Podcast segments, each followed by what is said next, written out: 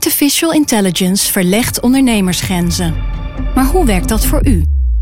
Als transformatiepartner helpt Capgemini u kansen te ontdekken en benutten, zodat we uw ideeën tot leven brengen.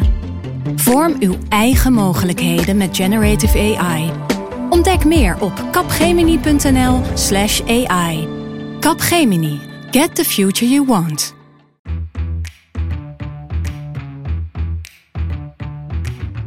Dit is Haagse Zaken. Mijn naam is Lemia Aharwai.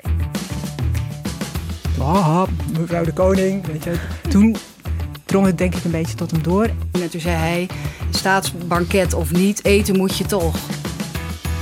En als je dan, om het toch spontaan te houden, een andere vraag stelt tijdens het persmoment dan je eigenlijk hebt ingediend, dan krijg je antwoord op de van tevoren ingediende vraag. Zo.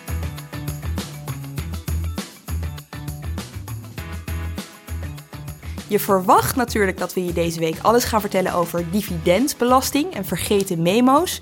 Is niet zo, want onze verslaggevers zijn daar nog mee bezig. We gaan het hebben over Willem Alexander, Klaus George Ferdinand. En we noemen hem Alexander. aan tafel Petra de Koning, toepasselijke achternaam in dit geval, Jutta Goris en Kees Versteeg. Kees, jij was hier tijdens de aflevering over de nieuwe wet op de inlichting en veiligheidsdiensten, maar jij doet dus ook heel wat anders voor NRC. Ik schrijf heel nu en dan inderdaad ook over het Koningshuis. Ehm, er zijn overigens best overeenkomsten tussen de twee onderwerpen hoor. Dus, Oh, vertel wat dus zo gek is dat niet. Misschien zijn het onderwerpen die eh, tot de verbeelding spreken bij het publiek. En eh, sowieso is er een overeenkomst waar het gaat om het heel moeilijk doordringbaar zijn van het onderwerp. Het is heel moeilijk om goede bronnen te vinden die echt belangrijke dingen kunnen vertellen. Daar kan ik me wel iets bij voorstellen. Jutta, eh, columnist voor NRC, oud Koningshuisverslaggever. Hele tijd geleden volgens Ja. mij inmiddels. En eh, je schreef een boek over Beatrix. Met de Ja. titel Beatrix dwars door alle weerstand heen. Ja, ik eh, heb inderdaad de zwaarste jaren van Beatrix ehm, genomen en haar in die tijd geportretteerd. En dat zijn eigenlijk de jaren van het opkomende populisme geweest. Dus vlak voor Fortuin. En daarna ja, de ziekte eh, en dood van prins Klaus vielen daarin. De dood van haar ouders. eh, en de schandalen rond Maxima, Sorgieta, ehm, Margrita en Mabel. Ja, want dat we gaan het eh, uitgebreid hebben over Willem-Alexander. Maar natuurlijk, we moeten het dan ook wel over zijn moeder hebben, Petra. Jij zit hier best wel vaak omdat je iets bijzonders hebt gedaan. Je hebt Mark Rutte een keer een jaar gevolgd, heb je over verteld. Je hebt de formatie gevolgd bij de ChristenUnie, heb je een keer over verteld. En nu heb je koning Willem-Alexander een jaar lang gevolgd. Ja, ik was eh, bij zoveel mogelijk werkbezoeken die hij heeft afgelegd. Ik ben twee keer mee geweest op staatsbezoek. Eh, ik heb allerlei andere optredens van hem eh, bijgewoond. Om te kijken hoe hij het doet als koning. Wat, eh, wat verder dan een keertje zien en daar dan een stuk Ja, over schrijven. precies. Dus eigenlijk 28 april, heel groot stuk daarover in de krant. Ik heb het vooraf mogen lezen. Ik raad je aan om hetzelfde te doen. In deze uitzending eh, gaan we het onder andere hebben over de koning die hij is, de koning die hij wil zijn en over wat de rol van een koning is eigenlijk anno 2018. Petra, eerst even een jaar Willem-Willem-Alexander volgen. Hoe kwam je op het idee? Nou ja, ik had dus al Rutte gedaan. Daarna heb ik eh, Wilders een jaar lang gevolgd. Ehm, ik, tijdens de kabinetsformatie dus de ChristenUnie. Maar na Wilders was ik op zoek naar iemand anders. En ja, weet je, ik had er diep over nagedacht. En mijn chef van de Haagse redactie toen, Erik van der Wallen, die zei... waarom doe je de koning niet? En dat vond ik meteen een geweldig idee. Ja, hij zit er ook vijf jaar nu, dus Ja, dat is ook wel een mooi moment Ja. natuurlijk. Ehm, heeft iemand het ooit gedaan eigenlijk? Ik ben het nergens tegengekomen. Nee, ik denk niet dat iemand hem zo van nabij heeft gevolgd eerder. Nee. En eh, ja, ik vraag me dan toch af, hoe ga, hoe ga je te werk? Ik bedoel, ga je gewoon naar zijn eh, agenda via de RVD en denk je, oké, ik ga gewoon maar overal heen? Ja, eigenlijk wel. Eh, ik ben eerst langs gegaan bij de Rijksvoorlichtingsdienst. Ik heb verteld wat ik wilde gaan doen. En nou, dat is natuurlijk oké, want het zijn publieke optredens, dus daar kunnen ze ook niks anders eh, over zeggen. Eh, dus ik heb, zo'n, ik heb me geabonneerd op die eh, persberichten van het Koninklijk Huis. Dus dan weet je waar je gaat optreden. Ja.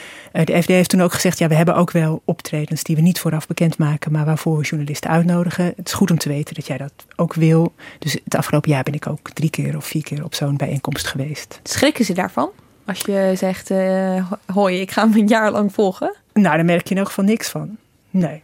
Maar denken jullie dat ze achter de schermen, dat ze wel denken, jongens, Nou, Moet even overleggen. Ik ben benieuwd of Peter jezelf kan vertellen wat de rol van de RVD, van de Rijksvoorlichtingsdienst, in deze was. Was het echt een Rijksverzwijgingsdienst, zoals hij ook wel heet, of was, heeft hij een constructieve rol gespeeld hierin?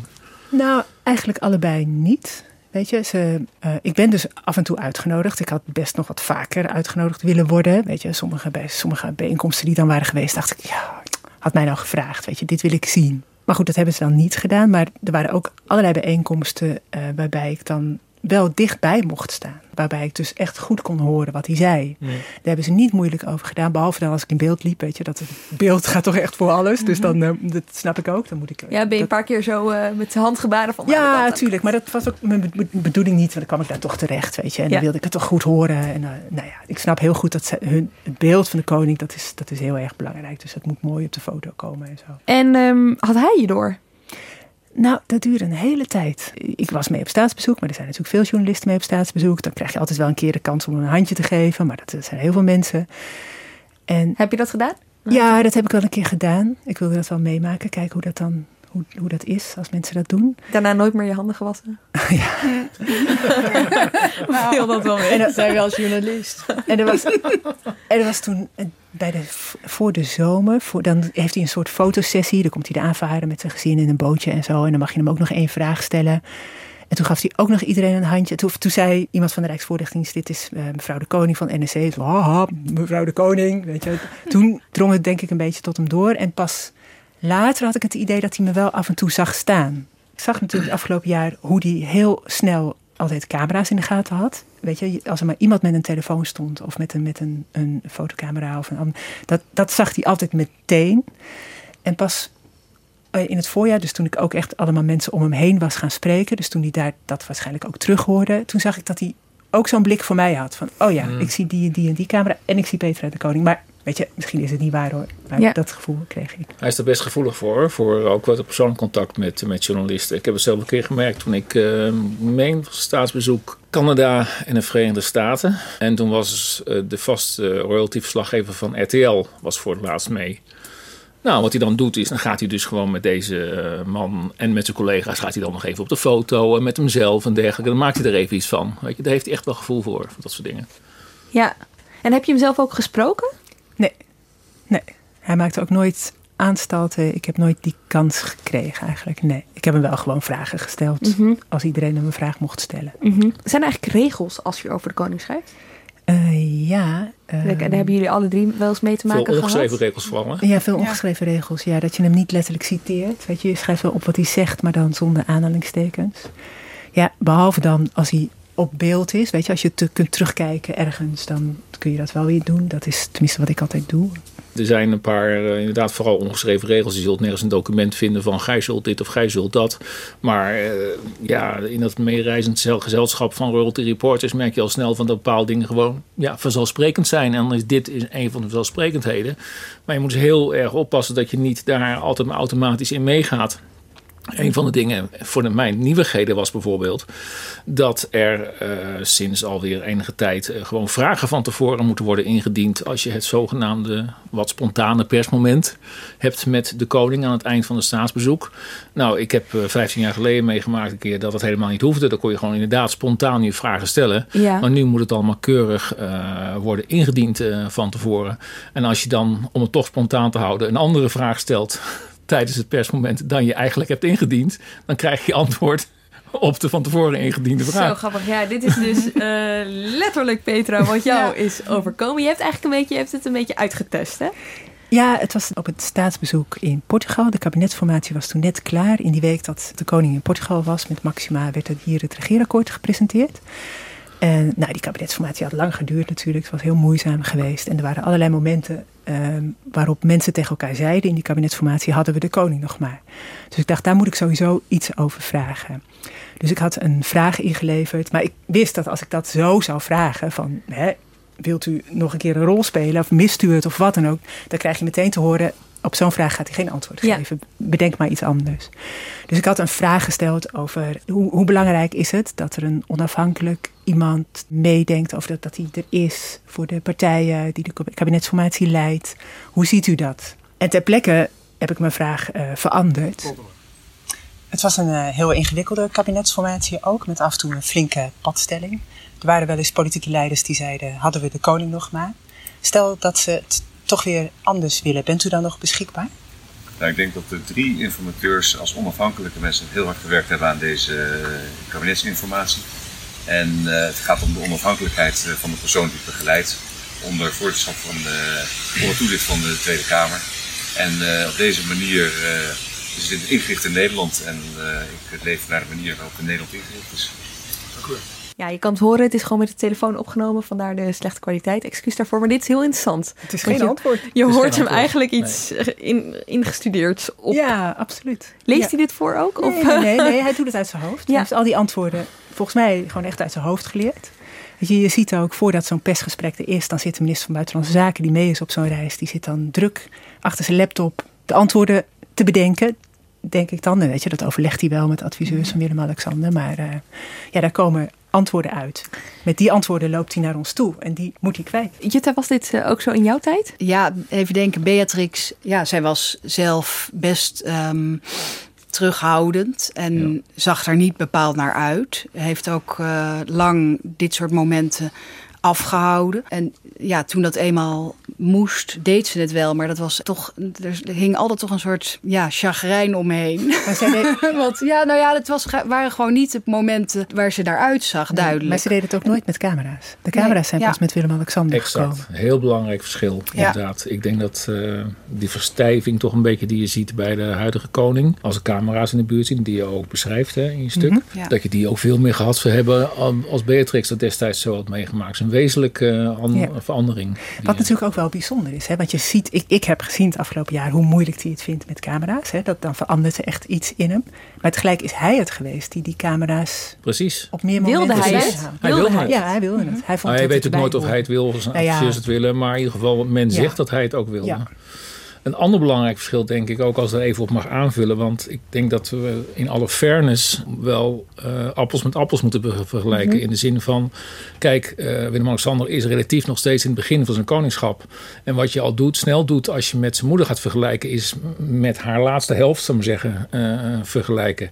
En wat ik zelf merkte, in ieder geval de keren dat ik mee was met Beatrix, dat zij, dat was in de jaren negentig bijvoorbeeld, en toen was het al 10, 15 jaar, staatshoofd, dat zij heel zelfbewust in die gesprekken uh, optrad. Ik kan me voorstellen dat als Willem-Alexander wat meer ervaring heeft, uh, dat hij diezelfde zelfbewustzijn ook meer aan de dag gaat leggen. En ook iets meer van dat script, hè, wat Petra nu aantroft, wat van het script wat meer gaat afwijken. Jutta, hoe, hoe, kun je daar wat over vertellen? Hoe het was voor Beatrix in haar beginjaren als koningin? Ja, of ze dan ook... Ik denk dat Beatrix um, altijd wel zich heel goed voorbereidde. Ook goed nadacht over hoe ze iets zei. Ze heeft altijd al geklonken zinnetjes gehad. Zoals bijvoorbeeld bij de verloving.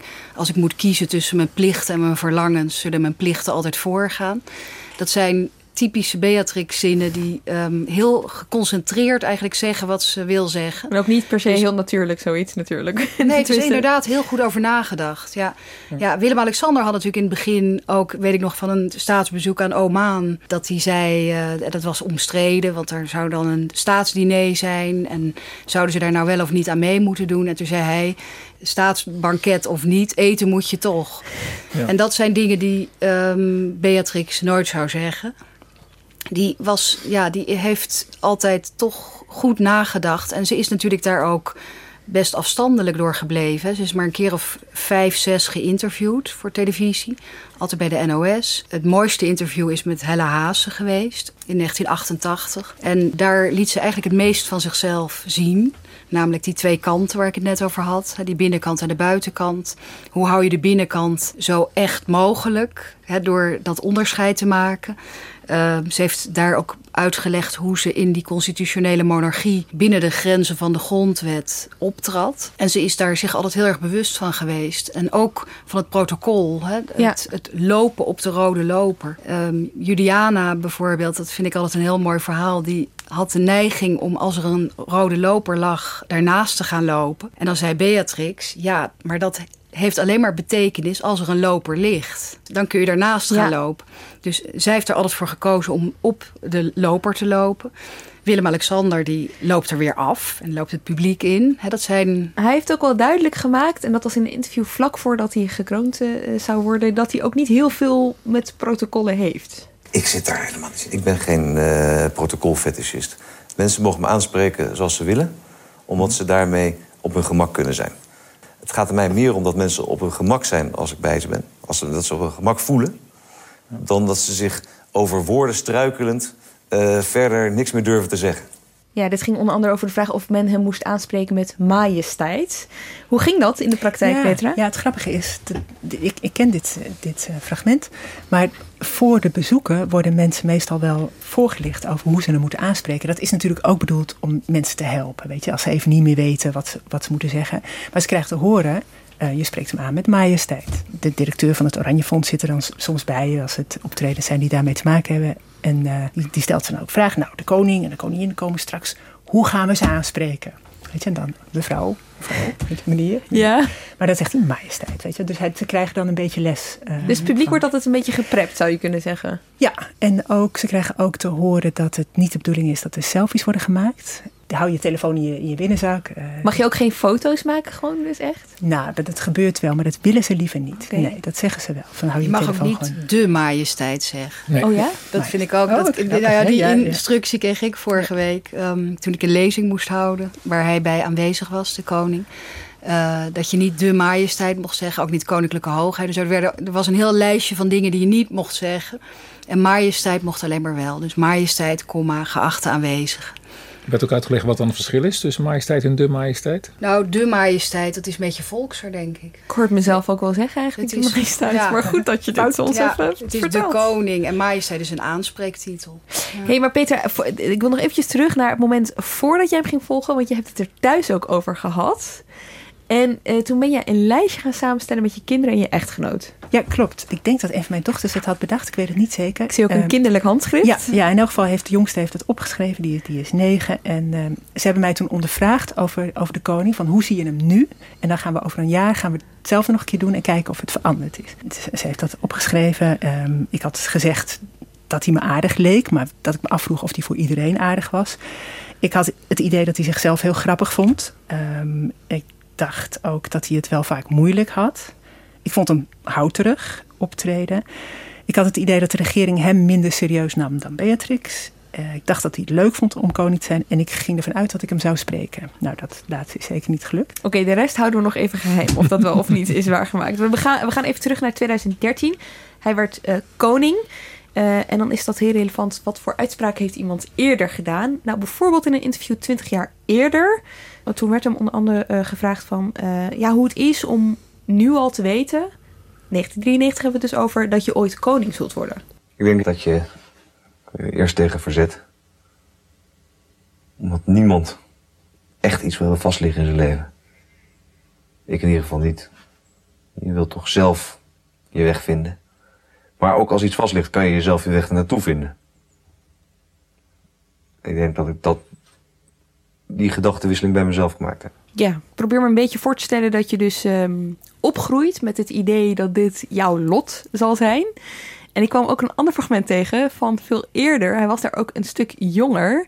En daar kon hij nog zichzelf zijn. Oh, alle Nederlandse pers opgerot. Alle Nederlandse pers opgerot, zegt Veel hij. Veel hogere stem trouwens. Hè? Ja, die elf. Ja, dat is elf. Ja, ongelooflijk. Ik zou hem niet eens herkennen. Ja. Maar uh, ja, dit kan hij natuurlijk niet meer zeggen als hij 25 is. Maar ik kan me voorstellen dat je dit wel op de een of andere manier blijft denken af en toe. Ja, ik, dat, zeker. Ik denk dat je nog steeds ziet dat hij het ingewikkeld vindt met voortdurend pers om zich heen. Weet je? Dat, dat gaat hem ook niet zo heel erg makkelijk af. Ja, je beschrijft onder andere een kopje koffie. Dat vond ik wel een heel fascinerende scène. Uh, waarin hij dus eerst voor de camera's een slokje moet nemen. Dat gaat heel langzaam. Dus hij brengt het heel langzaam naar zijn lippen. En hij tuit zijn lippen en dan neemt hij een snel slokje.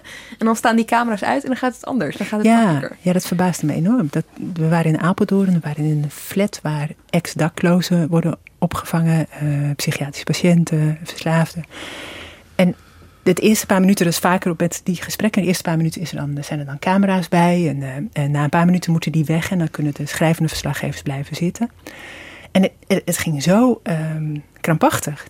Dat, die koffie, dat ik echt dacht van oei, misschien gaat het wel mis, weet je wel. En ik, en ik denk dat hij dat ook dacht. Mhm. En daarna was het, toen die camera's weg waren, was, het gewoon, was het gewoon volstrekt normaal en rustig. En eh, dronk hij gewoon zijn koffie. Ja, is, is dit een soort van eh, aangeboren onhandigheid, houterigheid? Of is dit ook gewoon, ja, misschien dat je ook... Nee, ik denk niet dat het aangeboren houterigheid is. Want, want anders heb je dat ook als die camera's weg zijn. Nee, ik denk dat hij, dat hij bang is om fouten te maken. Dat zie je. Met al die camera's erbij. Het is een hele... Het is ook beleid. Hè? Ik bedoel, eh, nou ja, die camera's, dat ze dat, nee, dat ze het wilden. Als je de, de, Ja, ja. met de Rijksvoorlichtingsdienst Ja. over spreekt. dit is gewoon een keuze geweest. Dat ze overal op reageren. Dat als er iets gebeurt, dat de koning eerder zijn afschuw laat merken. Of zijn medeleven. Veel meer vaker dan bij Beatrix. Wat ik altijd interessant vond, is dat eh, toen Arjan Robben eh, ophield met voetballen. Toen was eh, Willem-Alexander in Portugal. En toen hoorde ik op de radio hem daar eh, nou ja, ontzettend lovend over Arjan Robben. Eh, Had en- Beatrix dat ooit gedaan? Denk je? Nee, nee. Nee, dat, die, die was ook veel verder weg altijd van de aardse dagelijksheid. De dagelijkse aardsheid. Maar eh, Willem-Alexander deed dit en... Diezelfde dag werd het lichaam volgens mij gevonden van Anne Faber, die ehm, Mhm. eh, verkracht en vermoord was, waar heel Nederland meeleefde. En ja, op de een of andere manier kon hij niet meer daarop reageren. In ieder geval kun je bijna niet met goed fatsoen van een koning verwachten dat hij s'morgens eh jubelend reageert op Arjen Robben, zijn carrière. En vervolgens op zoiets afschuwelijks. Mhm. En dan zie je dat een koning heeft toch rust nodig. En de tijdelijkheid moet eraf. En dat, eh, ik denk dat Beatrix dat altijd gedaan heeft. Het betekent ook dat je minder populair bent. Ze heeft ook gezegd, ehm, populariteit is gevaarlijk. Je kunt beter rustig doorwerken. Je de dingen doen die gedaan moeten worden. En zorgen dat je niet te grote pieken maakt. Want dan komen er ook altijd weer dalen. Ehm, Maar het doet wel wat met de herkenbaarheid of zo. Kijk, als je zo'n koning hoort praten over Robben, dan voel je iets van. Zeg maar, het volkse kan, kan ook een, een gevoel geven van. Ja, je bent een van ons of zo. Nou, dat heeft hij inderdaad. Ehm, dat is wel iets wat hij belangrijk vindt. Dat blijkt ook, vind ik, mooi uit het portret. Hij wil heel graag, hij wil heel graag gewoon zijn. Maar ja. Ja. gewoon ben je natuurlijk niet als koning. Ja, soms gaat dat ook een beetje geforceerd bijna, hè? hoe gewoon hij wil zijn. Ik weet nog dat interview eh, vlak dus voor zijn kroning. Daar wordt hij op een gegeven moment gevraagd eh, naar eh, wat ze aan gaan doen. En dan gaat hij een antwoord geven zonder te veel gewicht te willen geven aan wat hij aan gaat doen. Een hele belangrijke vraag over 30 april. Wat doet u aan? Ja, eh rokkostuum. En? En de mantel. Daar wil ik heen, naar de Hermelijnen mantel. Ja.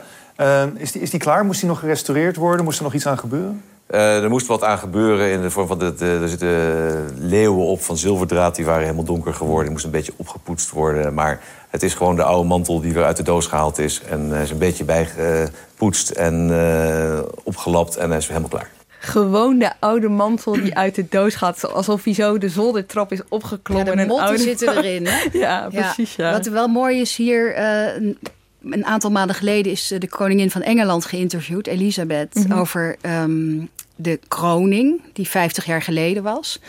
En eh, het mooie was dat die kroon voor haar stond. Hij moest iets dichterbij komen, want ze kon het niet goed aanwijzen. Toen moest de Lord Treasurer, die alleen maar behalve de koningin die kroon aan mag raken, die kroon wat dichter bij de interviewer zetten. En toen ging zij dus vertellen over de type edelstenen die daarop zaten. En waarom die parel een beetje dof zag, omdat die kroon te weinig gebruikt wordt. En dat als je die kroon op hebt, dat je dan die troonrede bijna niet kunt lezen.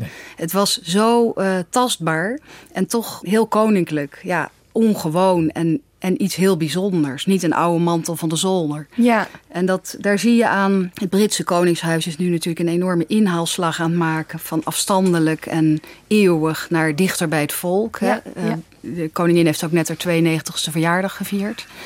Ehm, en zij zoeken dan toch steeds een vorm van. We zijn een beetje God. En ehm, dat zie je inderdaad bij Willem-Alexander veel minder. Ja, en bij Beatrix weer wel. En bij Juliana weer, weer, weer wat minder. Dat, dat was echt een moeder van het volk. Zo werd Ja. ze een beetje genoemd, Het is toch? natuurlijk ook een conjunctuur. Hè, dat Beatrix duidelijk weer reageerde op haar moeder. Ja.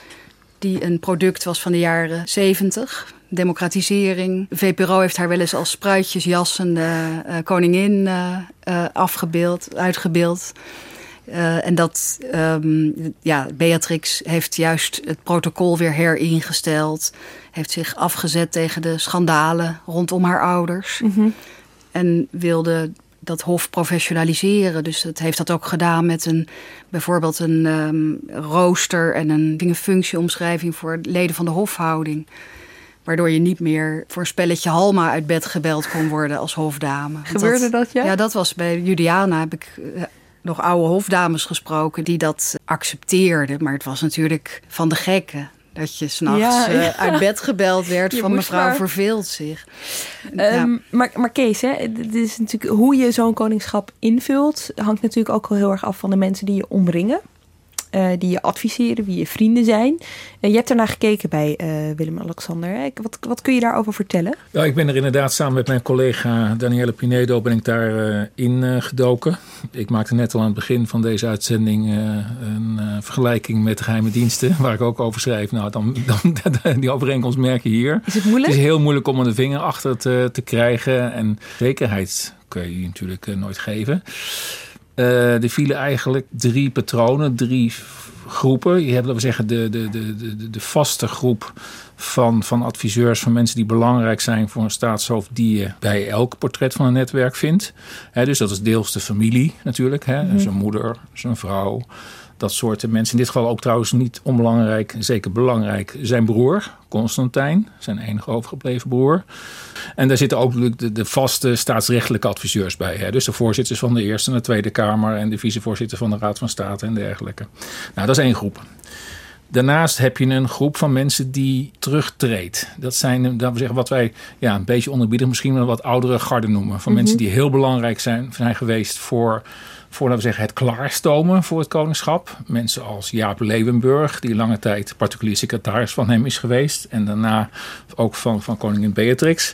Die, die treden langzamerhand eh terug. Iemand als eh, de hofpredikant Karel Terlinde, hè, ook eh, de Haagse predikant hier van lange tijd verbonden aan de Kloosterkerk. Die had lange tijd een wat genoemd wordt een bijbelclubje met, met, met de kroonprins. is al in 92 begonnen. Die mensen kwamen, ik wist dat niet, maar die kwamen dus één keer in de vijf weken bij elkaar. Dat was een groepje van pakweg 12, 15 mensen om te praten over de Bijbel. Bijbeluitleg te krijgen, daarna te praten over ethische dilemma's. En eh, de koning kwam daar ook heel veel. eh, wordt van verschillende kanten verteld, die hechten daaraan. En eh, dat waren dus Leidse studievrienden die of zelfgelovig waren. Of in ieder geval daar iets mee hadden, cultuurchristenen waren. Gingen op reis inderdaad. Gingen naar Israël, gingen naar Rome, gingen naar Istanbul. Moeten zij weg? Vindt hij Nou, tijd ja. voor vernieuwing? Of is dat een soort natuurlijk... Dat is nou typisch. We kunnen alleen maar constateren dat het er is geweest. Ja. Dat het is gestopt. Ja. Een paar jaar geleden. Eh, men zegt eh, vanwege de drukte. Nou ja, daar kun je iets bij voorstellen bij een koning. En, en bij de anderen. Maar interessant is dan de vraag van... Goh, komt daarvoor iets in de plaats? Ja. Nou, dan zie je vooral twee groepen. Zie je dat gat vullen. Heel veel sport. Van oudsher is eh, Willem-Alexander- Willem-Alexander een sportprins geweest. En hij is ook een sportkoning. IOC hij heeft IOC inderdaad functies gehad. Hij heeft, dat is gewoon bekend, eh, veel eh, persoonlijk contact met allerlei bekende sporters. Met Van de Hoge Band, qua zwemmen, Ankie Gunsven, eh de dressuur Amazone. Dat soort mensen. Ja, het voordeel is dat die mensen ook daar wel over willen vertellen. Van, goh, wist je dat de koning best goed was op de sprint? Dat hij goed kan zwemmen? Nee, dat wist ik niet. En eh, dan vertelt natuurlijk Anke Vergunsven van... wist je dat hij goed kon paardrijden? maar ja, goed, je vraagt je elke keer af... is dit nou onderdeel van de PR-campagne Koningshuis? Of zijn dit nou authentieke eh, observaties? Waarschijnlijk is het beide een beetje. Maar wat hij nog van Maar niet kan is breien. ten aanzien... Sorry? Ja, Wat hij niet kan is breien. Ja. Wat hij niet kan is breien. Ja, dat zeg je niet voor niks, Petra. Nee, want je hebt iets heel interessants meegemaakt in, nou ja, in, in, in die periode dat je dus hem volgde. Ja, dat was dit voorjaar. We gingen, eh, er was een bezoek aan eh, een stichting, Vitaal Ouder Worden in Everdingen, een dorp bij Vianen. En we kwamen daar in een, in een supermarkt en die werd geleid. Er was eigenlijk in Everdingen al lang sorry, geen eh, winkel meer, maar ehm, een sticht, die stichting had een nieuwe winkel geopend, een buurtwinkel. Kon je van alles krijgen, ook koffie, ook streekproducten en zo. Er werkten eh, gehandicapten in die winkel. En in een hoek zat de haarclub. En daar was al voorafgaand aan het bezoek zaten we ergens anders in een kas waar de groente voor de winkel werd gekweekt. En er was het al een paar keer over de haakclub gegaan. Dus daarna gingen we die winkel in. naar de haak. Zo dames. De gender imbalance. Het grappige was, hij komt daar binnen en hij begint over gender imbalance. En daar zit een, er zit een groepje vrouwen van een jaar of 70, 75. En die denken, huh, de koning, wat zegt hij nu? Uh, en hij, je ziet ook aan hem dat hij dat meteen, hij beseft dat meteen. Van, oei, dit is niet wat ik, uh, wat ik moet zeggen. Dus hij corrigeert zichzelf. Er zijn geen heren bij vandaag. Nee, nee. Nee, geluid, geluid. Daarom zullen we niet vragen. Nou, ik heb uh, twee linkerhanden wat dat betreft hoor. Dat is echt, uh, dan gaat het helemaal verkeerd. Dan, uh, dan, is het, dat, dat gaat niet lukken. En dan, weet je, hij, gaat dan, hij komt van het ene in het andere terecht. Hij probeert steeds het te redden. Maar waar hebt u het zo al over als u hier zit niemand zit te haken, iedereen is gewoon te... Te breien. Ja, maar hier ook erg. Ja, ja. Mijn vrouw zit te haken. Ah, dat, dat wel, oké. Okay. Ja. Hij denkt dus dat hij bij de haakclub komt. Ik dacht dat ook. Ik, ik liep achter hem aan en ik dacht, en ik dacht precies hetzelfde. Hé, hey, ze zitten niet te haken, ze zitten te breien. Dus hij was voorbereid op die haakclub. Hij wil vragen, waar, waar praten jullie nou over tijdens het haken? En dan denkt hij, oh, stop, dit gaat niet goed. En op dat moment zie je die vrouwen naar hem kijken van, ja zeg, weet u dan niet wat, wat breien is? Of waarom, waarom aarzelt u hierover? Ja, maar dan is het een breien. Ja, ja, ja, ja. ja, ja. ja, ja. Oh, niets mis met mogen. Nee, maar je moet het toch ook wel een beetje versterkt van Ja, dat is klopt ook wel. Op, op de achtergrond, hè, wanneer we een beetje mee kunnen gaan. Nou, ik kan het proberen, maar, maar het gaat vandaag niet gebeuren. Jij nog gelijk. Zie je dan ook om hem heen dat er paniek ontstaat bij zijn medewerkers? Nee, maar ze kunnen, zij kunnen het niet oplossen op dat moment. Hij moet het echt alleen doen. Ja. En dat zie je ook, weet je. Hij, hij balt zijn vuisten en hij, hij is echt daar druk bezig om het op te lossen.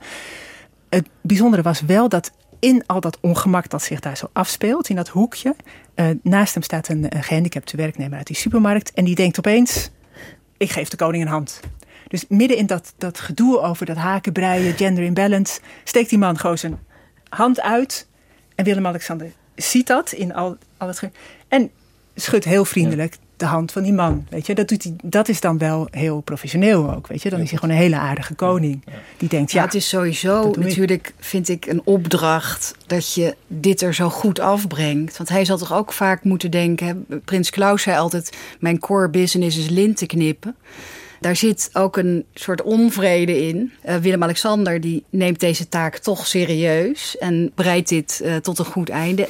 Daar heb ik dan ook wel weer enig respect voor. Hè? Hij, zijn taak is helemaal uitgekleed. Hij mag zich met allerlei belangrijke dingen niet meer bemoeien. Dan blijft dit over. En dan zie je hem eigenlijk toch worstelen. Ja, want hij had verwachtingen. Want als ik weer terugga naar dat interview uit 1993 Daarin geeft hij heel duidelijk aan hoe belangrijk hij het zou vinden dat dat koningschap inhoud zou hebben. Zonder inhoudelijke kant zou het een stuk moeilijker zijn voor mij om te aan. En wat zijn in uw ogen de voornaamste aspecten van die inhoudelijke kant? De contacten met de politiek.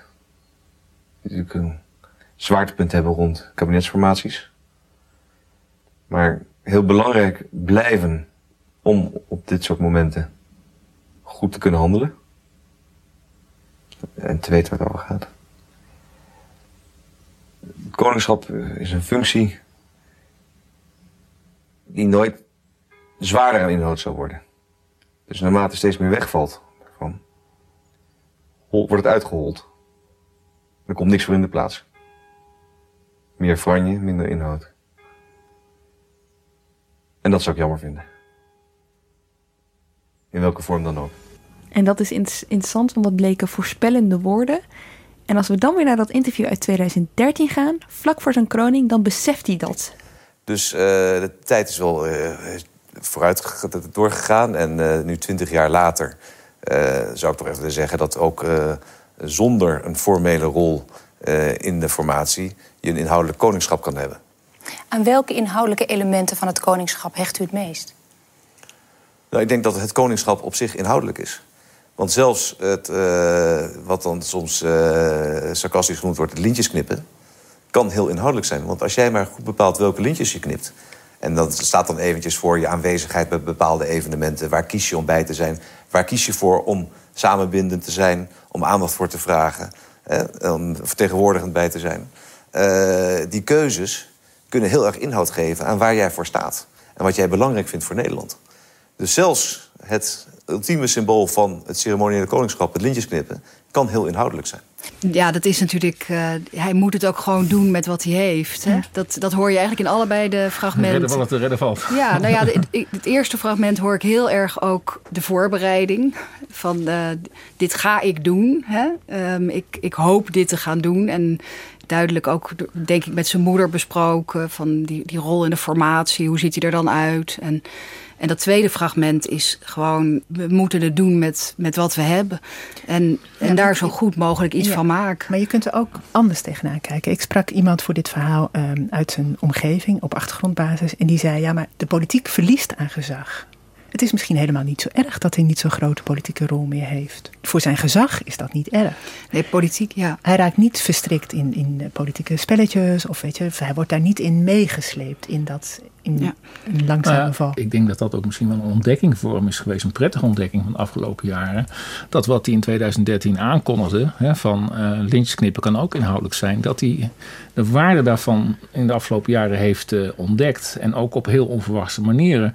We geven zelf in ons uh, stuk over het netwerk een voorbeeld van hoe hij ineens opduikt op een Haagse markt in Schilderswijk. Een paar dagen na die verschrikkelijke aanslagen in Brussel dat was voor Nederland eigenlijk uh, nou, op de stoep uh, dat dat uh, gebeurde. Dat had überhaupt die aanslagen natuurlijk in, in Europa van afgelopen jaar. Maar zeker deze had behoorlijke impact, ook in Nederland. Paar dagen later komt hij uh, in die Schilderswijk en houdt te midden van allerlei mensen die daar gewoon spontaan die markt rondlopen. Een kort verhaaltje over hoe belangrijk het is om de rug recht te houden, onze vrijheid niet te laten afpakken. Ik kan me voorstellen dat hij daar zelf van zegt, of zijn adviseurs, dat is onmetelijk veel belangrijker op dat moment, wat betreft het vormgeven, het laten zien van de verbindende rol die het koningschap kan hebben, onmetelijk veel belangrijker dan uh, dat, je, dat, je, dat je ministers veel spreekt of daar inhoudelijke gesprekken over wethouding, eh, of sorry, over wetgeving hebt. Dat kan natuurlijk ook belangrijk uh, zijn. Maar op dat moment is dat moment in die Schilderswijk veel belangrijker. Dit is ook trouwens echt iets wat Beatrix ook veel deed. Heb het moment dat een van de belangrijkste grote politieke moorden op Theo van Gogh, is zij naar de Overtoom gegaan om daar te spreken met de Marokkaanse gemeenschap in Amsterdam. Um, in plaats van bijvoorbeeld naar de familie te gaan. En ze maakte heel duidelijk een keuze van wie is op dit moment, um, wie heeft mij nodig. Eh, ook in het geheel van het land gezien. En um, in die zin vind ik ook wel een, link zitten met zo'n optreden van Willem-Alexander in de Schilderswijk. Dat is natuurlijk de Schilderswijk waar ook veel migranten wonen die het op een moment van een aanslag moeilijk hebben. Want dan moeten ze, misschien wordt er iets van ze verwacht. Of, en dan krijgen zij een steun in de rug. Dat is inderdaad een, een goede politieke keuze, denk ik, van een koning. Um, uh, in dit geval. Met dit verschil dat zij er bewust heen ging. Zij reageerde met haar bezoek op de moord op Theo van Gogh. Terwijl hier werd gezegd van ja, het was toevallig, het was al gepland, het bezoek en dergelijke. Maar het kreeg pas betekenis Daardoor, toen het zich ontrolde. Ja. ja. Ja. Ik zou het wel mooi vinden als Willem-Alexander um, iets meer een morele rol nog krijgt. Als hij die politieke rol niet kan spelen in de formatie of op een andere manier dat hij af en toe laat zien. We, leven toch in een verwarrende tijd. Um, hij heeft een verbindende rol. Dat kan hij op deze manieren doen. En ik, soms dan denk ik, spreek je ook eens uit over dingen die je bevallen of die je he, zou willen of die je nastreeft. En ik denk dat Beatrix deed dat soms misschien wat te veel in, in haar kersttoespraken. Met name he, die waarschuwende functie, een zwaardere toon. Um, nou, een, een, jaar voordat zij koningin werd, um, uh, maakte ze een documentaire. Dat is op zichzelf al heel interessant. Dat had wel een hele specifieke aanleiding. Kinderen in het jaar van het kind. De lens is op hen gericht en ingesteld op hun vreugde en zorgen. In deze film willen we enkele onderwerpen belichten die in de loop van het jaar naar voren zijn gekomen. Het zijn punten van zorg. Knelpunten die drukken op kinderen en ook op de volwassenen die hen willen bijstaan. Uiteraard kunnen we de problemen alleen maar aanstippen en niet diepgaand en uitputtend behandelen. De rechten van het kind hebben dit jaar bij dit alles centraal gestaan. Ja, en je moet je voorstellen, ze doet dus alles zelf. Ze doet de voice-over zelf, doet de interviewtjes zelf. Dat neemt soms, kan dat wel eens heel ongemakkelijk worden. Denk je dat in Holland iedereen wel gelijke rechten heeft? Ja. Ja, ja. ja dat denk ik wel. Ja, dat weet ik zeker. Ja, weet je Weet ik zeker, ja. Ook als je allemaal van verschillende kleur en geloof bent? Ja, Ja, ja. Nou, Wel, ze worden wel waar. wel eens geplaagd, hoor. Ja? Ja. Hebben jullie er ook van tevoren over gepraat samen, wat het betekent, dit recht? Ja. Heb je er wel eens iets van meegemaakt zelf? Of gezien bij andere kinderen? Nou, ik heb een vriendje en die, eh, die is een keer voor nikker uitgescholden. Dat is een halfbloedje. Maar die is niet bang, dus laat hij ze in elkaar, zegt hij.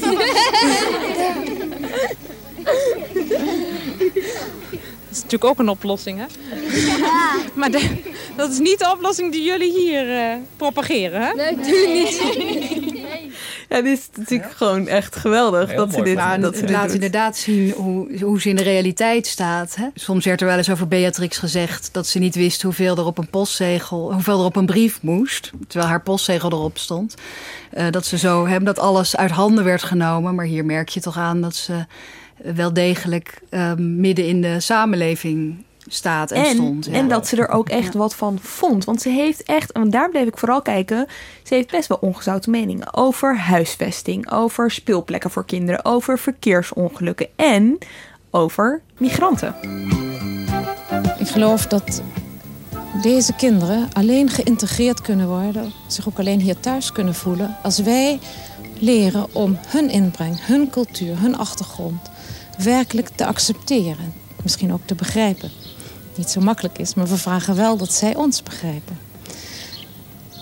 Ik geloof dus dat wij ze hun vooral in hun eigen waardigheid moeten laten. Respect tonen voor hun achtergrond.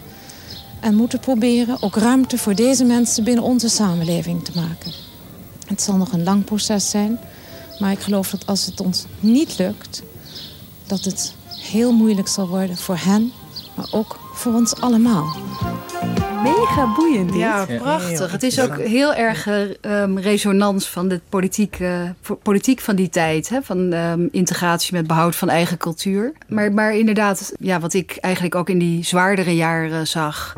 dat ze voortdurend mensen uitnodigden op Huis ten Bos... om die samenleving te kunnen kennen. Hè, ze zei wel eens... ehm, ik weet ook niet hoe je leeft in een migrantenwijk. Hè. Ik, ik heb ook geen Turken op mijn trap, zei ze, heeft ze wel eens gezegd. Maar ehm, ze probeerde toch door mensen binnen te vragen eh, en mee te ja, laten spreken over hoe Nederland aan het veranderen is. Waar ze zich erg eh, zorgen over maakt. Het is overigens wel, een, het denk ik, wel een belangrijk verschil tussen eh, Beatrix toen en Willem-Alexander nu. Vooral de tijd en de politieke tijd waarin we leven. Ja. Ik denk dat, eh, zeker waar eh, Jutta het heeft over, hè, wat je zei over, laat die koning zich wat meer moreel uitspreken ook. Dat de koning zich tevens ook bewust is van de beperkingen die dat eh, ambt met zich meebrengt. Want hij moet verbinden. Dat betekent dat hij dus niet alleen maar naar migranten moet verbinden, naar die mensen in Schilderswijk.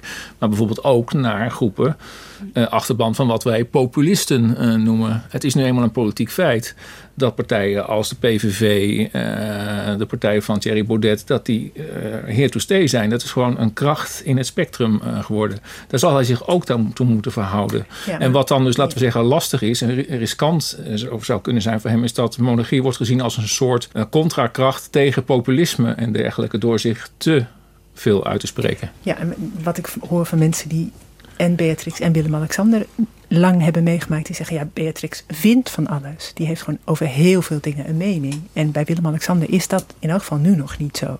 Die komt meer met vragen, die is op zoek naar feiten, naar analyses, naar de methode achter onderzoeken. Die is nog zoekend.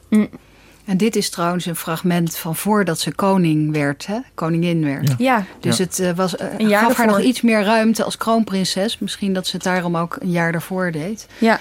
Maar ehm, Willem-Alexander heeft die tijd al achter de rug. En je mag eigenlijk hopen, ook van Maxima, dat ze dat een beetje meer laten zien. Want ik kan me toch niet voorstellen dat ze, het niet, dat ze niks vinden. Hè, dat, eh, Beatrix werd natuurlijk ook eh, de rode koningin genoemd. Hè? Ze werd ervan beschuldigd, is dat het goede woord, dat ze wel een soort van politieke voorkeur had. Nou, van de eh, Oranjes ehm, is gek genoeg altijd gezegd dat ze ehm, sociaal-democratisch waren. Althans, de, die van na de oorlog. Het gekke is dat, die altijd, dat ze ook altijd op gespannen voet stonden met de sociaaldemocratie. Want de sociaaldemocratie was niet zo monarchistisch. En toch zijn heel veel rampen gered of, of schandalen gered door uh, sociaal-democratische premiers. Denk aan de Hofmans-affaire, die door Drees is opgelost. Kort waar dat over ging? Ja, de Hofmans-affaire, dat was een um, uh, affaire rondom Greet Hofmans... die op het paleis Soesdijk werd uitgenodigd door het koninklijk paar... om de oogkwaal van prinses Christina te genezen. Ze, hè, zij was gebedsgenezeres en uh, riep God daarbij aan. En ze ging zich steeds meer bemoeien met staatszaken. Met de toespraak van Juliana in de VN. En ja, daar had Bernard ernstige moeite mee. Ik denk uh, vooral binnenskamers. Mm -hmm. uh, Beatrix trouwens ook. Maar Drees en de, de regering natuurlijk ook. Dus uh, toen is haar het contact met Hofmans verboden. En is de monarchie eigenlijk net gered. Um, in de tijd van de jaren zeventig is prins Bernard rondom de Lockheed-affaire in de problemen gekomen. Hij ja. zou steekpenningen hebben aangenomen. Daar moet je ook nog heel voorzichtig formuleren. Maar uh, in ieder geval was het zo dat hij, dat hij zijn uniform kwijtraakte en een aantal functies. En ja, die rommeligheid rondom uh, die Lockheed-affaire ook is uh, opgelost door Joop den Uyl. In ieder geval in de tijd van het kabinet den Uyl. Tweede sociaaldemocraat. De derde sociaaldemocraat die de monarchie gered heeft... is Wim Kok met de Zorgieta-affaire. Ja. Althans, de monarchie was niet meteen... stond niet op springen, maar toch heeft hij voor elkaar gekregen... dat uh, Willem-Alexander Maxima kon trouwen. En daar komt die sociaal-democratische uh, liefde... ja, die is er altijd wel geweest. De Rode Koningin uh, had je het over. Ze werd er ook wel van beschuldigd uh, dat ze iets te elitair was. Ja. De vrienden altijd had in kringen van kunstenaars, van, uh, van de elite van Nederland. En dat Willem-Alexander dat minder heeft. Althans, weer andere elites misschien. Maar in ieder geval heeft Beatrix ook altijd de hogere kunst opgezocht. Ballet. Ik zie er ook wel eens zitten bij een gala van het Nationale Ballet. Ja, daar gaat ze toch helemaal in op. Dat heeft Willem-Alexander altijd op bevrijdingsdag met DJ's, hè? Dat hij op een podium staat te dansen. Dat is wel even wat anders. En hij heeft inderdaad, hij doet vergeleken met zijn moeder misschien meer zaken met ondernemers. Althans, hij heeft gewoon uh, in zijn persoonlijke vriendenkring zitten daar meer jonge ondernemers uh, in. Uh, in ieder geval vroeger iemand als Daan Maljers, uh, die de, uh, de Bergman klinieken heeft opgezet. Iemand als Mark Ter Haar, een studievriend van hem, die ik meen bij Ernst Young wer werkt. Mm. Iets, iets meer in die, ook in die advieswereld, veel, veel banden. En terug naar die politieke wereld, want van zijn moeder was ze bekend dat ze wekelijks een gesprek had met minister-president. zet hij dat voort? Ja, ja Willem-Alexander doet dat ook, elke maandagmiddag.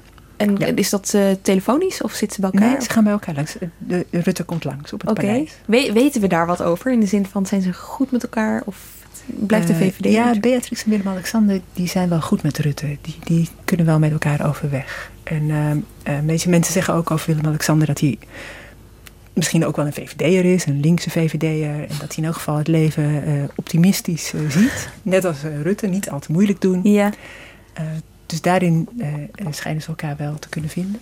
Ik zit nog even te denken, we hadden, we hadden het aan het begin over die houterigheid. Hè. Is de logische verklaring daarvoor ook niet dat hij dus niet zelf verantwoordelijk is voor zijn uitspraken? Dat zal zeker meespelen. Hij is natuurlijk heel erg bang om fouten te maken. Ja. Of om dingen te zeggen die, die de regering niet in de Tweede Kamer kan uitleggen. Want ja. daar gaat het om. Ja. Daar, daarom kunnen wij hem ook niet letterlijk citeren. Dat is ook de uitleg die je er dan bij krijgt. Dat hij dan alles moet dan door uh, de regering ja. kunnen worden uitgelegd in de Tweede Kamer. Voordat we gaan naar uh, de update van jouw lijstje, uh, uh, Petra, wil oh, ik ja. eerst nog eventjes dit. Het vraagt me namelijk altijd af, en nu heb ik jullie alle drie aan tafel, dus kan ik het aan jullie alle drie vragen. Maar dat is juist die regels hè, van de Rijksvoorlichtingsdienst. Druisen die soms ook niet een beetje in tegen je eigen journalistieke, um, hoe noem je dat? Taakopvatting. Ja, je journalistieke taakopvatting. Dat je daarin mee moet gaan om überhaupt verslag te kunnen doen van zoiets. Ja, je moet er in ieder geval een weg in vinden. Ik denk dat je als journalist heel goed uh, kunt beginnen bij de Rijksvoorlichtingsdienst. En goed contact ook houden. Het is toch de koninklijke weg, uh, zoals ik dat maar noem. En kijken wat je daar gedaan kunt krijgen. Al heel gauw zie je dat dat beperkingen heeft. Dat je mensen um, bijvoorbeeld niet over persoonlijke dingen kunt vragen. Wat ik bij Beatrix uh, merkte. Dus dat er dan teruggerapporteerd wordt. De vragen zijn veel te persoonlijk. En dat je dan ja, toch zoveel mogelijk zelf doet. Dus zelf contact leggen. Zorgen dat zij op de hoogte zijn van wat je doet. Eventueel iets laten lezen waar ze niet over mogen oordelen. Dus ze mogen wel ter inzage krijgen, maar niet meeoordelen. En- Maar, eigenlijk, maar eigenlijk, Kees, is het dus een hele machtige organisatie, die Rijksvoorlichtingsdienst. Ja, dat intrigeert me wel, het onderwerp macht inderdaad. En eh, dat wordt de RVD vaak toegedicht. En die hebben ze in zekere zin ook. Aan de andere kant is het ook belangrijk om je te realiseren dat hun ma- macht beperkt is. Want zij moeten het ook maar eh, roeien met de riemen die ze hebben. En die riemen die worden hun aangereikt door het Koningshuis. Ze hebben elke maandag, geloof ik, hebben ze werkoverleg eh, op het paleis. Over allerlei eh, dingen. En dan zijn er, kunnen er best veel dingen zijn die eh, de FVD niet te horen krijgt van de koning eh, en zijn vrouw, maar die ze wel heel graag hadden willen weten en die misschien via een omweg, bijvoorbeeld door het spitswerk van, van Jutta of Petra, boven water komen. Ja, dat is ook een probleem voor hun. Dus in die zin, zou bijna zeggen, moet je ook een beetje mededogen met ze hebben. Ik, eh, ik vind eigenlijk in ander opzicht vind ik eh, macht veel belangrijker. Eh, dat is niet zozeer de macht van de RVD, maar wat ik de sociale macht noem van het Koningshuis. Dat hebben wij heel erg gemerkt in het, bij het inventariseren van het netwerk. Er zijn heel weinig mensen die on the record iets over willen zeggen. Er zijn zoveel mensen die bang zijn om eh, überhaupt geciteerd te worden, om eh, getraceerd te worden in, in stukken. En die angst, die intrigeert mij enorm. Waar duidt die eigenlijk op? Dat is de angst uiteindelijk voor, even heel simpel eh, gezegd, voor excommunicatie. Voordat je er niet meer bij mag horen. Dat er stille signalen komen van mensen geleerd aan het hof. Of eh, nog erger van het hof zelf. eh, dat die persoon zijn mond heeft voorbijgepraat. Dingen heeft gezegd die op een of andere manier onjuist zijn. Waardoor het Koningshuis in een kwaad daglicht wordt gesteld. Of in een twijfelachtig daglicht wordt gesteld. Die angst, die, ja, die nogmaals, die intrigeert me. En die duidt op een grote sociale macht van het Koningshuis. En elke keer als we het hebben over de RVD of over de politieke macht. Dan vergeten we dit aspect. Is het, het is, die angst is er ook niet voor niks. Dus het zal wel een paar keer gebeurd zijn. Oh zeker. Ik ken in ieder geval sowieso één voorlichter die ooit een ruzie had met, eh, of in ieder geval iets verkeerd had gedaan in de ogen van de kroonprins eh, toen nog. En die werd verbannen naar een ander departement. Die mocht niet meer bij Algemene Zaken werken. Eh, di- di- dit is zeker, eh, ik herken dit wel. Ik merkte wel bij het maken van het portret van Beatrix, die natuurlijk bijna abdiceerde, dat mensen meer geneigd waren wel openheid te geven. Omdat het waren leeftijdsgenoten van haar. Zij is altijd erg dol geweest op haar eigen generatiegenoten. En je ziet dat die vaak in ieder geval besloten hebben van nu zal ik één keer vertellen wat ik weet over haar en wat ik wil zeggen. Ja, bij Willem-Alexander is dat nog niet aangebroken. Want Nee, de mensen nee. die ik heb gesproken voor dit verhaal... die wilden eigenlijk bijna allemaal eh, op achtergrondbasis meedoen. Ja, wat denk ik ook belangrijk is, is als je eh, journalistiek bedrijft over het Koningshuis, is dat je ofwel dat volgen, wat Petra nu ook gedaan heeft, dus dat je kijkt naar de, reportage, naar gebeurtenissen. Dus ik heb ook al die mensen altijd gevraagd naar gebeurtenissen die ze samen hadden meegemaakt. Hoe deed de koningin? Waarom deed ze zo? In plaats van waardeoordelen. Je moet eigenlijk weinig waardeoordelen vragen, want dan loop je zelf in de val van al die, ja, toch hermelijnluizen. Of vlooien. Vlooien. Ja, eh, die geneigd zijn om veel te positief en te slijmerig te oordelen over, over Ja. die familie. Ja. We gaan naar het oordeel van Petra. Kunnen we als het ik- zo noemen? Nou ja, weet je, als ik mijn lijstje van het begin eh, terugkijk... dat ik dacht dat hij aardig was, dat heb ik ook gezien. Ik, zie, ik heb gezien dat hij vooral heel aardig is voor wat kwetsbaardere mensen. Dat hij zichzelf grappig vindt, ja, dat denk ik wel echt. Hij houdt ervan om heel veel grappen te maken. Dat ik toen dacht dat hij het wel vaak moeilijk heeft, dat heb ik ook gezien. Ik heb ook gezien op welke momenten, weet je, als de camera's heel dichtbij komen, als hij een boodschap uit zijn hoofd heeft moeten leren en of dat wel goed gaat, weet je, dat Maxima hem dan echt heel geconcentreerd staat aan te kijken en af en toe me ook helpt als een soort coach. Ik vond hem toen houterig. Nu heb ik gezien dat hij ook heel vaak dat niet is. Maar dat het heel veel te maken heeft met camera's. Dat de regering hem minder serieus neemt dan de regering Beatrix serieus nam. Dat zag ik bijvoorbeeld omdat dat staatsbezoek gewoon was in die week waarin het regeerakkoord werd gepresenteerd. Weet je, bij, was, had niemand aan gedacht dat de koning er dan niet was. Ja. Weet je, dus dat dan ook alle aandacht, alle media-aandacht naar de nieuwe kabinet gaat. En veel minder naar zo'n staatsbezoek bijvoorbeeld. Dat hij het leuk vindt om koning te zijn, dat dacht ik in het begin, dat weet ik niet zeker. Ik denk het wel, maar ik weet het niet zeker. Mhm. Het is ook wel, eh, is ook wel een, een, eh, een enorme klus. Dat zie ik. Nou ja, ik heb, en ik heb hem niet gesproken. Dat ik dacht dat ik het wel zou gaan doen, maar dat is niet gelukt. Daarmee is de cirkel rond. Dank jullie wel. Petra de Koning, Jutta Gorus en Kees Versteeg. En jij ook bedankt aan de andere kant van deze podcast voor het luisteren. De komende twee weken is Den Haag en dus ook Haagse Zaken met reces. Maar onze eerdere afleveringen zijn natuurlijk gewoon nog te beluisteren. En er zitten nogal wat tijdloze tussen. Nummer 12 bijvoorbeeld over de kroonprinsen van het CDA. Of nummer 9 over de manier waarop lobbyisten te werk gaan hier op het Binnenhof. En NRC heeft natuurlijk meer mooie podcasts. Als je wat wil weten over Holleder bijvoorbeeld, zoek dan even op Holleder de finale. En als je wetenschap op een begrijpelijke manier mee wil krijgen, zoek dan vooral op onbehaarde apen. In onze afwezigheid zijn we nog wel gewoon bereikbaar. podcast.nrc.nl Zaterdag 19 mei zijn we terug. Tot dan!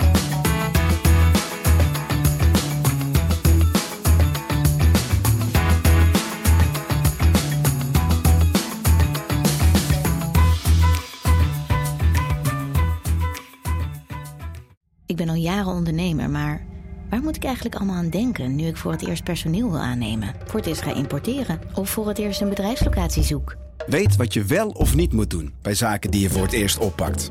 Check kvk.nl voor praktische stappenplannen. KVK, hou vast voor ondernemers.